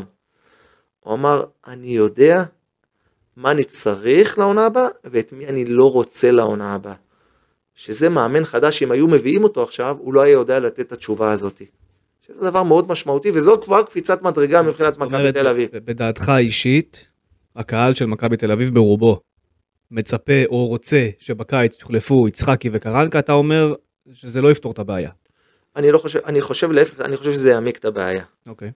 עד שבא מאמן שכבר למד את הקבוצה, הוא יודע מה צריך לה, להביא, מה צריך לשחרר, יבוא מאמן חדש, עד שהוא יבין מי הסגל, איך הסגל, אתה נמצא את עצמך בחודש דצמבר. אתה חושב שיצחקי יכול להביא לקרנקה את השחקנים שהוא, שהוא צריך? אני לא חושב ש, ש, ש... קודם כל, אני חושב שזה צריך להיות בסינרגיה ובשיתוף פעולה. דבר שני, אני לא חושב שקרנקה, עם כל הניסיון שלו, הוא צריך שמישהו יבוא ויחליט לו על שחקנים. הוא ידע בשיתוף פעולה להביא שחקנים ביחד עם ברק. אוקיי. אבל קרנקה כבר יודע את מי הוא לא רוצה. ברגע שאתה יודע את מי אתה לא רוצה ואיזה שחקנים אתה צריך לצרף, זה חוסך לך לפחות חצי עונה. תחשוב עכשיו יבוא מאמן, לא משנה מאיפה, מפורטוגל, מגרמניה, מאיטליה, מאמן חדש למכבי תל אביב, כמה זמן ייקח לו ללמוד את הקבוצה? יצטרך גם. ללמוד את השחקנים הישראלים, איזה זרים מתאימים לכדורגל פה, אה, מה נקודות התורפה, מה הנקודות החזקות. זה לוקח זמן הדברים האלה, אם אתם חושבים שזה הוקוס פוקוס, זה לא הוקוס פוקוס. אמרת שבכדורגל לפעמים אה, יש מזל ולפעמים מישהו דוחף אותך מהצד. אתה חושב ש... זאת אומרת גולדהר לקח איזושהי החלטה עם אה, למנות מנכ"ל שהוא לא מנכ"ל למעשה שהוא מגיע מתחום השיווק שזה שרון תמם והיא מיוזמתה החליטה שהיא הולכת. דרך אגב, אני יגיע- חושב ש- ששרון תמם עשתה למכבי תל אביב קפיצת מדרגה אדירה בתחום השיווק. והכלכלי אדירה. אני אני אומר לכם. כלכלי ושיווקי, היא עשתה פה עבודה אדירה. אבל אולי יתמזל לגולדהר וגם אפילו ליצחקי המזל שעכשיו יבוא מנכ"ל זר מתחום הכדורגל שאתה יודע גם יווסת את האש כלפיו אולי דברים יתחילו לעבוד בצורה יותר אה, אה, מתקדמת מודרנית. קודם כל, אני חושב שהתשובה היא בגוף השאלה, הנה, זה נכון, אוקיי. אבל צריך לקחת בחשבון, כשאין תוצאות, גם אם תביא מנכ"ל אה, איכותי, אז תהיה ביקורת. חבר'ה, אתם צריכים להבין, גם ברק יצחקי צריך להבין את זה, וגם המנכ"ל החדש שיבוא צריך להבין את זה, וגם המאמן שנמצא ושיהיה בעונה הבאה צריך להבין את זה. צריך לדעת ללמוד, לעבוד עם ביקורת. אין מה לעשות, צריך לדעת לקבל ביקורת. יכול להיות שיש הרבה פעמים שהביקורות הן לא נכונות, והביקורות הן מגמתיות. אתה בעצמך אומר עכשיו שהביקורת על קרנקה היא לא נכונה. אה, ברור, אוקיי. גם ברק יצחקי לפעמים אני רואה ביקורות עליו שהן לא נכונות, לפעמים כן, לפעמים לא, צריך לדעת לחיות עם זה, צריך לדעת לקבל את זה, ולא צריך לדעת, ולא צריך לדעת להשתגע מזה. כי זה לא סוף העולם, מי שרוצה להיות בפוזיציות כאלה, דרך אגב לא רק בכדורגל, יש פוזיציות אה, בתפקידים אה, בכירים, תפקידים ציבוריים, צריך לדעת להיות, אתם, אתה חשוף לביקורת, אתה צריך לדעת להתמודד איתה ולקחת אותה בפרופורציה. אין מה לעשות, מי שלא רוצה ולא יודע לחיות עם ביקורות, הוא לא צריך להיות בעסק הזה. אבי, כמה שחקנים מכבי צריכה להחליף, לדעתך לקראת העונה הבאה, לשנות שם? אני, אני, לא, אני לא יודע להגיד לך במספרים, אני חושב שזה די ברור, לא צריך להיות גאון בכדורגל בשביל להבין שלמכבי תל אביב יש בעיה מאוד גדולה בעמדת המגינים, והיא צריכה, היא צריכה להעביר את, הגבוד, את המערך שלה להיות מערך הרבה יותר מהיר, כי כל הקבוצה היא קבוצה, וכ- היא קבוצה איטית. מגניבים, מגנים וכנפיים. כן. זה- גם, החלק, גם החלק הקדמי הוא חלק לא מהיר, כולם זה שחקנים שכדור לרגל לא לשטח, אף פעם לא לעומק, כן. והכדורגל השתנה, צריך לעשות שינויים. אה, אני חושב שגם אה, המאמן וגם ברק הם יודעים מה צריך לשנות לעונה הבאה בשביל להפוך את מכבי תל אביב לקבוצה שתרוץ לאליפות. אה, ואני מעריך שהם גם יעשו את זה. נבחרת ישראל, אבי. אה, כמה אתה חושב, כולם אומרים יש לנו בית נוח, הפעם לעלות ליורו. אני יודע שאתה מנסה כל הזמן לשמור, תשמרו חבר'ה, אתה אומר על פרופורציות. אה, כמה אתה, ואני יודע שאתה אה, דואג לנבחרת ומנסה לעזור לה מהצד. תראה, אני, אני, אני אסביר לכם איך אני רואה את נושא הנבחרת. כשהיה בקמפיין הקודם את ליגת האומות, ההגרלה הייתה עם, עם איסלנד ועם אלבניה, ורוסיה שסולקה. ורוסיה שסולקה. כן. עכשיו, לא נתנו סיכוי לישראל, בסוף ישראל סיימה במקום הראשון בבית. שאני גם כן לא נתתי לי- לישראל סיכוי, האמת חשבתי שתסיים, במ- תיאבק על המקום השני. אבל בסופו של דבר ישראל זכתה במקום הראשון. עכשיו, נבחרת ישראל צריכה לעבור תהליך הצערה, והיא עוברת אותו דרך אגב. זה תהליך הצהרה שהיה צריך לקרות לפני חמש אבל שנים. מה זה תהליך, יש לי שאלה אליך, הצהרה, אני לא אוהב את המילה. הצהרה. הצהרה הדרגתית. הדרגתית. כי שחקן, שנייה, שנייה. אני, אני, אני אתן את זה אחרי זה, תשאלו אותי מה שאתם רוצים. נבחרת ישראל הייתה צריכה לעבור הצהרה הדרגתית. אני לא מאמין במכה אחת להביא שמונה עשרה שחקנים צעירים ולתת להם לשחק, זה לא דבר נכון, זה דבר גם שיכשיל את השחקנים הצעירים. צריכה להיות הצהרה הדרגתית. כי בסופו של דבר אנחנו רוצים שחקנים צעירים עם שילוב של שחקני ביניים ושחקנים של שניים שלושה שחקנים ותיקים. צריך שיהיה איזון בסופו של דבר. אבל אם רצים עם סגל שהוא סביב גיל השלושים לאורך עשור, זה לא, לא יביא אותנו לשום מקום. אתם צריכים להבין את זה, זה דרך אגב גם מה שקרה, תלכו אחורנית. הייתה חייבת להתחיל המגמה הזאת, היא הייתה צריכה להתחיל לדעתי לפני חמש-שש שנים, היא לא התחילה, אני אומר את זה בצער, היא מתחילה עכשיו. אה, אני חושב שההצהרה הזאת תיתן את אותותיה בשנים הבאות, אני חושב, הצהרה הדרגתית, אי אפשר לתת לשחקנים צעירים שהם לא טובים והם לא מתאימים לשחק, אני לא מאמין בזה, אני חושב אבל שיש שחקנים צעירים שכן מתאימים והם כן בזון הנכון, אז כן צריך לתת להם את, ה, את הבמה. על חשבון, דרך אגב, גם על חשבון הישגים, גם על חשבון הישגים, תתפלאו לשמוע. אה, אני, אני מצד שני, שחקנים ותיקים שנמצאים בכושר טוב וכן יכולים לתרום לנבחרת, מקומם בנבחרת.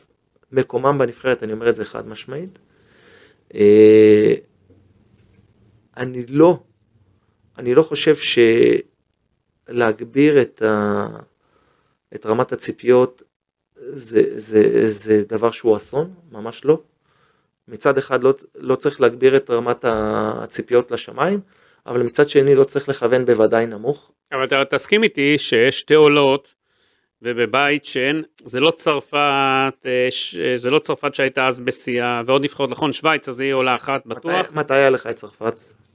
היה לך, שאתה שיחקת בנבחרת. לא, זה לפני המון המון זמן. צרפת, אירלנד, שווייץ, בבית אחת. אה, לא, אז אני אומר זה הרבה זמן. מתי הייתה נבחרת בחירה פה בשנים האחרונות שישראל שיחקה איתה?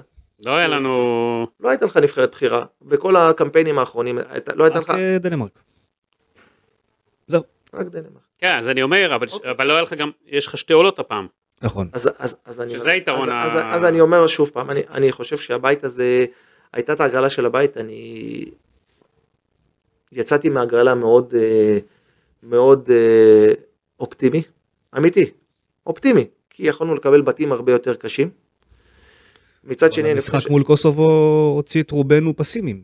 כן, אבל אני לא מסתכל על, אני לא יכול להסתכל על משחק אחד, וגם לא על שניים וגם לא על שלושה. אני חושב שצריך לראות איפה ישראל תסיים בסוף הקמפיין הזה, שזה הדבר הכי חשוב.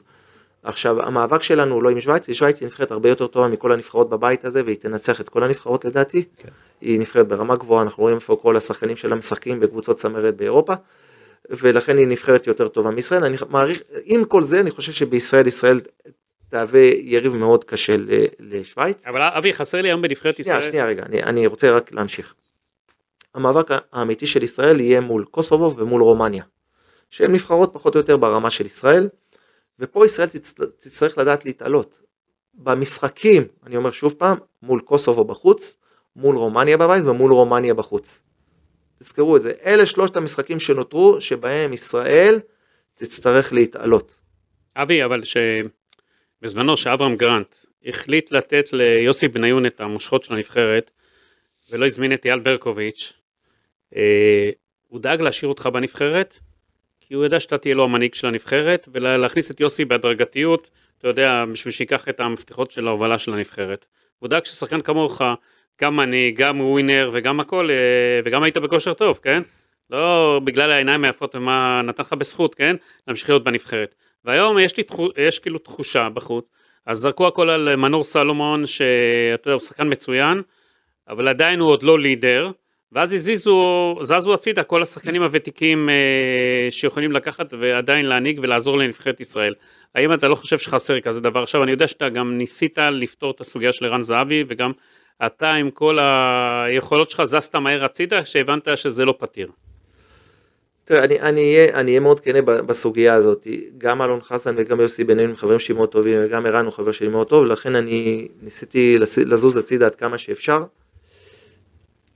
תראה, דברים שרואים היום, שאתה רואה אותם כשחקן, אתה לא רואה אותם אחרי זה עשר שנים אחרי, באותה זווית. בין אם אתה הופך להיות מאמן, בין אם אתה הופך להיות מנהל מקצועי, בין גם אם אתה הופך, אתה יודע, אפילו להיות סוכן, או אפילו פרשן. אתה רואה את הדברים אחרת, מזוויות אחרות, ואז אתה מסתכל אחורה, אתה אומר, פה עשיתי טעות, כאן עשיתי דבר נכון, פה הייתי צריך לתקן, פה לא הייתי צריך להגיב ככה. אני, אם אני עכשיו נגיד ערן זהבי בסיטואציה הזאתי, אני בא ואני אומר, אני בכלל לא מציב אולטימטומים, ואני בא ואני אומר, אני בשביל נבחרת ישראל, בא ויושן גם עם עשרה שחקנים. ואז אני מיוצג גדול מעל כולם. ואז בכלל לא נותן לסוגיה הזאת בכלל להתנהל ולהתעסק בה. אמ, צריך לקחת בחשבון שמצד אחד אני מבין, אני מבין את הצד של הנבחרת שהם לא יכולים לחזור בהם אחורנית כי יש כל השחקנים שמסתכלים, מצד שני אני מבין את הרצון של ערן, אני חושב שערן היה צריך לחבק את הסיפור הזה. אני חושב ככה, שערן היה צריך יותר לחבק את הסיפור הזה ולבוא לקראת. אם הוא היה בא לקראת, אני חושב ש, שהוא היה יוצא ממש ממש גדול. הוא היה צריך לבוא לקראת ולהבין שבסופו של דבר יש פה אה, מערכת, ולמערכת יש את הצרכים של המערכת וגם איך מסתכלים על המערכת, ולא להסתכל על זה מזווית ראייה אך ורק שלו של שחקן, כי אני חושב שאם עוד עשר שנים הוא יסתכל אחורה, הוא יגיד, יכול להיות שעשיתי טעות. אה, ודרך אגב, אני, אני לא חושב שדרכו לנבחרת היא, היא סגורה.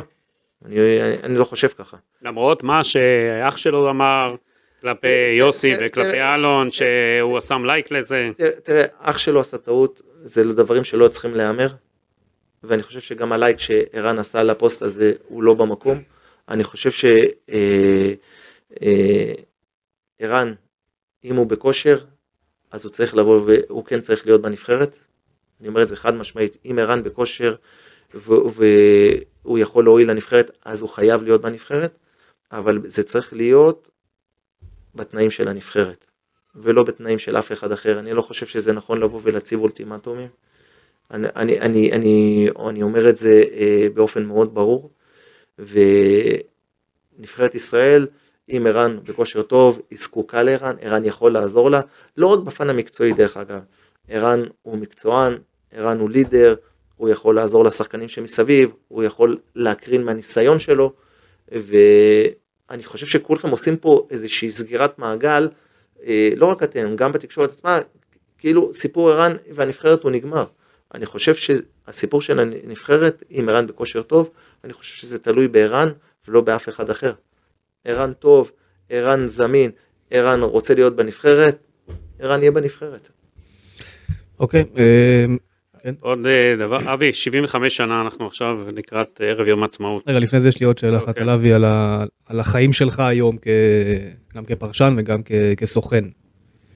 הפריע לך שבאו אנשים, אה, אתה יודע, מבחוץ, ובאיזשהו מקום המציאו תקנות כדי שאתה לא תוכל לפרשן משחקים בליגת העל?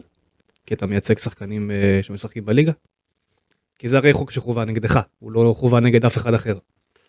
תראה, אני אהיה איתכם יותר כן, אני משדר גם בוואן ואני משדר בצ'רלטון.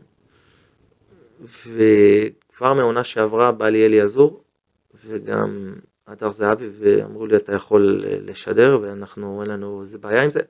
האמת שזה פחות נוח לי. Okay. זה אוקיי. פחות נוח לי. אה, להתחיל לנסוע עכשיו לאצטדיונים ולבוא שעתיים לפני משחק ואחרי משחק ואני יותר נהנה לשדר איתך פה באולפנים. לשגע את ניבי. כן. אז אני נהנה מזה וזה כיף ואני נהנה להגיע לאצטדיונים כאוהד. כאוהד, עוקב אחרי שחקנים, זה, זה, זה נותן לי תחושה מאוד טובה. אני, אני לא מתרגש מביקורות, באמת שלא, אתה יודע, אני, אני מבין את העסק הזה של הספורט ושל התקשורת ואני כבר יודע כל הזמן מי יש לו את האינטרסים ומי שלא, ותאמין לי עוד לפני שמישהו הולך לכתוב טור מסוים אני כבר יודע מה הוא הולך לכתוב. אז לכן אני בכלל כבר לא מתרגש מזה. ו, ולכן אה, זה דברים שאני בכלל שם אותם בצד. והעיסוקים, יש עוד הרבה מאוד עיסוקים, הרבה מאוד דברים שעושים בחיים, שאתה יודע, שרוצים לעשות טוב, בסופו של דבר אתה צריך גם לראות איך עושים טוב לחברה, ואיך כן. עוזרים לאנשים, אנחנו נמצאים בסיטואציה, אנחנו מתעסקים בכדורגל, אבל יש הרבה מאוד דברים שמעבר לכדורגל, שהם יותר חשובים, שמדירים שינה, שינה מעיניי, אין מה לעשות. אתה, אתה היום, יש שאלה שלדעתי מעניינת את כל אוהדי מכבי תל אביב, אתה היום שאתה רואה משחק של מכבי ואתה גם מגיע הרבה למשחקים אה, בעצמך, אתה, אתה אוהד מכבי תל אביב? אתה רוצה שיתנצח? זה כואב לך כשהיא לא מנצחת?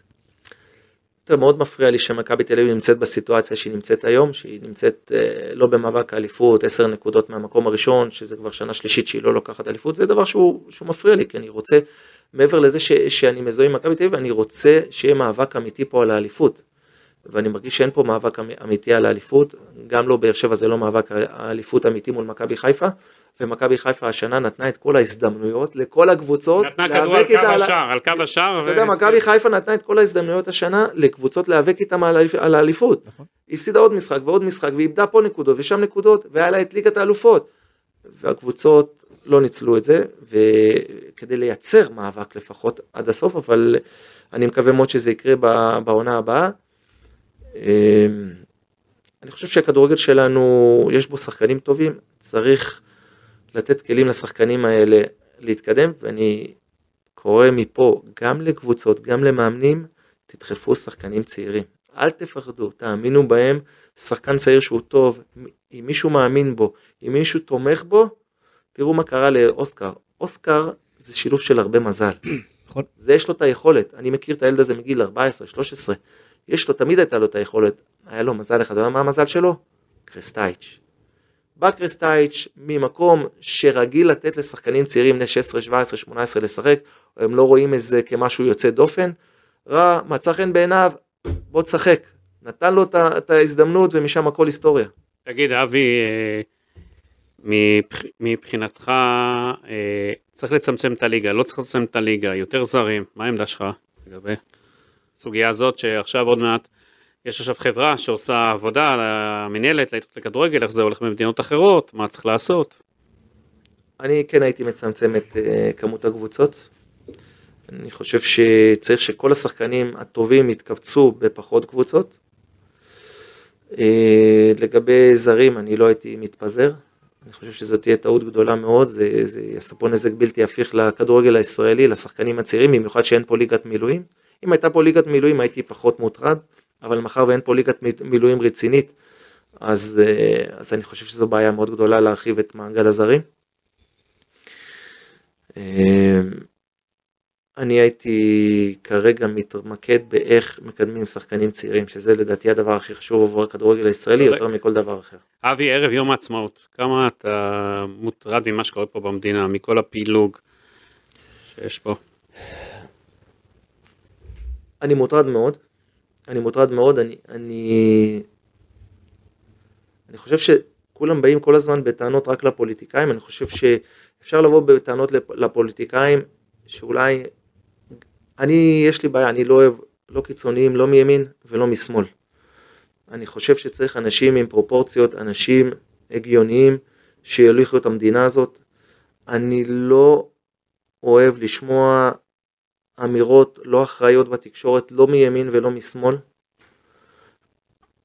יש תהליך של פילוג, יש תהליך של, לדע, לצערי, אנחנו די קרובים למלחמת אחים, דבר שאני לא חלמתי שיכול לקרות, ואני חושב שלפני שנלחמים בכל הזירות הביטחוניות שהן זירות רבות, ולא לא לפני, תוך כדי, אה, תוך כדי מלחמה שצריכה להיות פה ביוקר המחיה, איך עוזרים לאנשים לגמור את החודש, איך מסייעים למשפחות נזקקות, איך עוזרים לפריפריה, צריך להתחיל פה תהליך, תהליך שיתחיל מתוכנו, צריך להקים פה מערך אמיתי שיתעסק באיך מחזירים את העם הזה לתהליך של פיוס, לתהליך של אחדות, לתהליך של קירוב לבבות.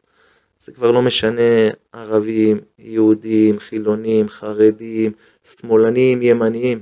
בסוף אנחנו עם אחד, ותזכרו, לפני הכל צריך להיות בני אדם, ולעזור אחד לשני, כי אנחנו רק ביחד ננצח באמת את האויבים שעומדים בפנינו. אנחנו לא יכולים להילחם אחד בשני, זה בסופו של דבר יביא את כולנו שאולה. תגיד, אבי, עוד שאלה אחת. אתה הולך אה, לעבוד בסוף עם אה, שר הספורט מיקי זוהר, יועץ, מה, איפה זה עומד מבחינתך? יש, יש כוונה כזאת, זה דבר שאמור אה, לקרות אה, בקרוב. אה, באיזה פורמט אני עדיין לא יודע, אנחנו אמורה להיות פגישה נוספת מעבר לפגישות שהיו, פגישה נוספת עם מיקי ועם הצוות שלו. צריך לעזור פה, ל...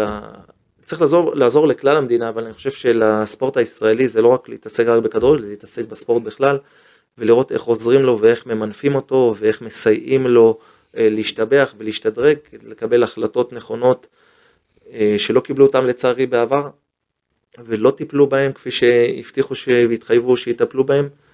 אה, אני חושב שמיקי הצליח להשיג פה הישג גדול מבחינת תקציבית, ככה שיש יותר כלים כדי...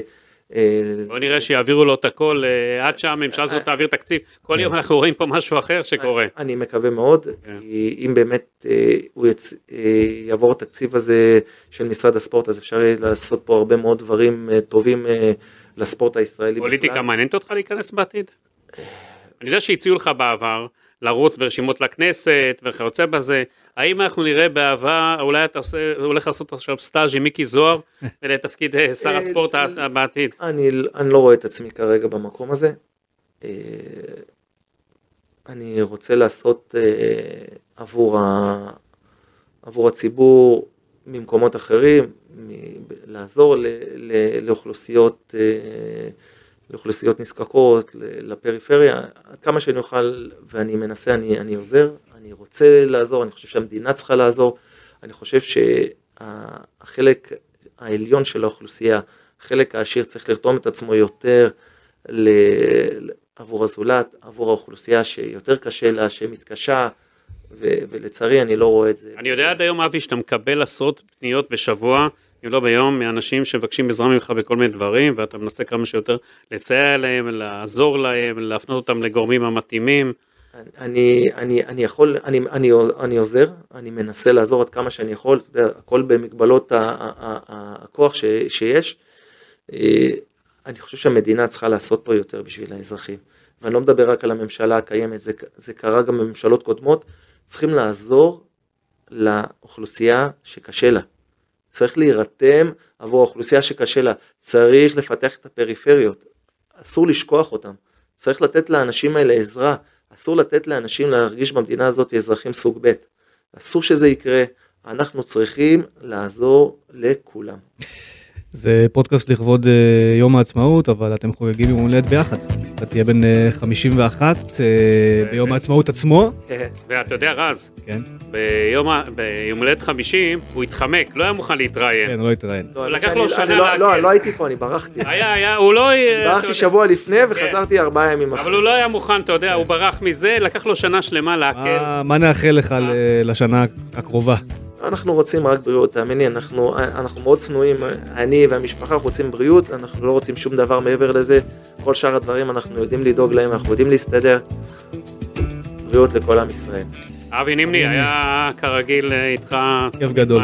גם אני היה לי כיף, תודה רבה לכם. תודה רבה אבי.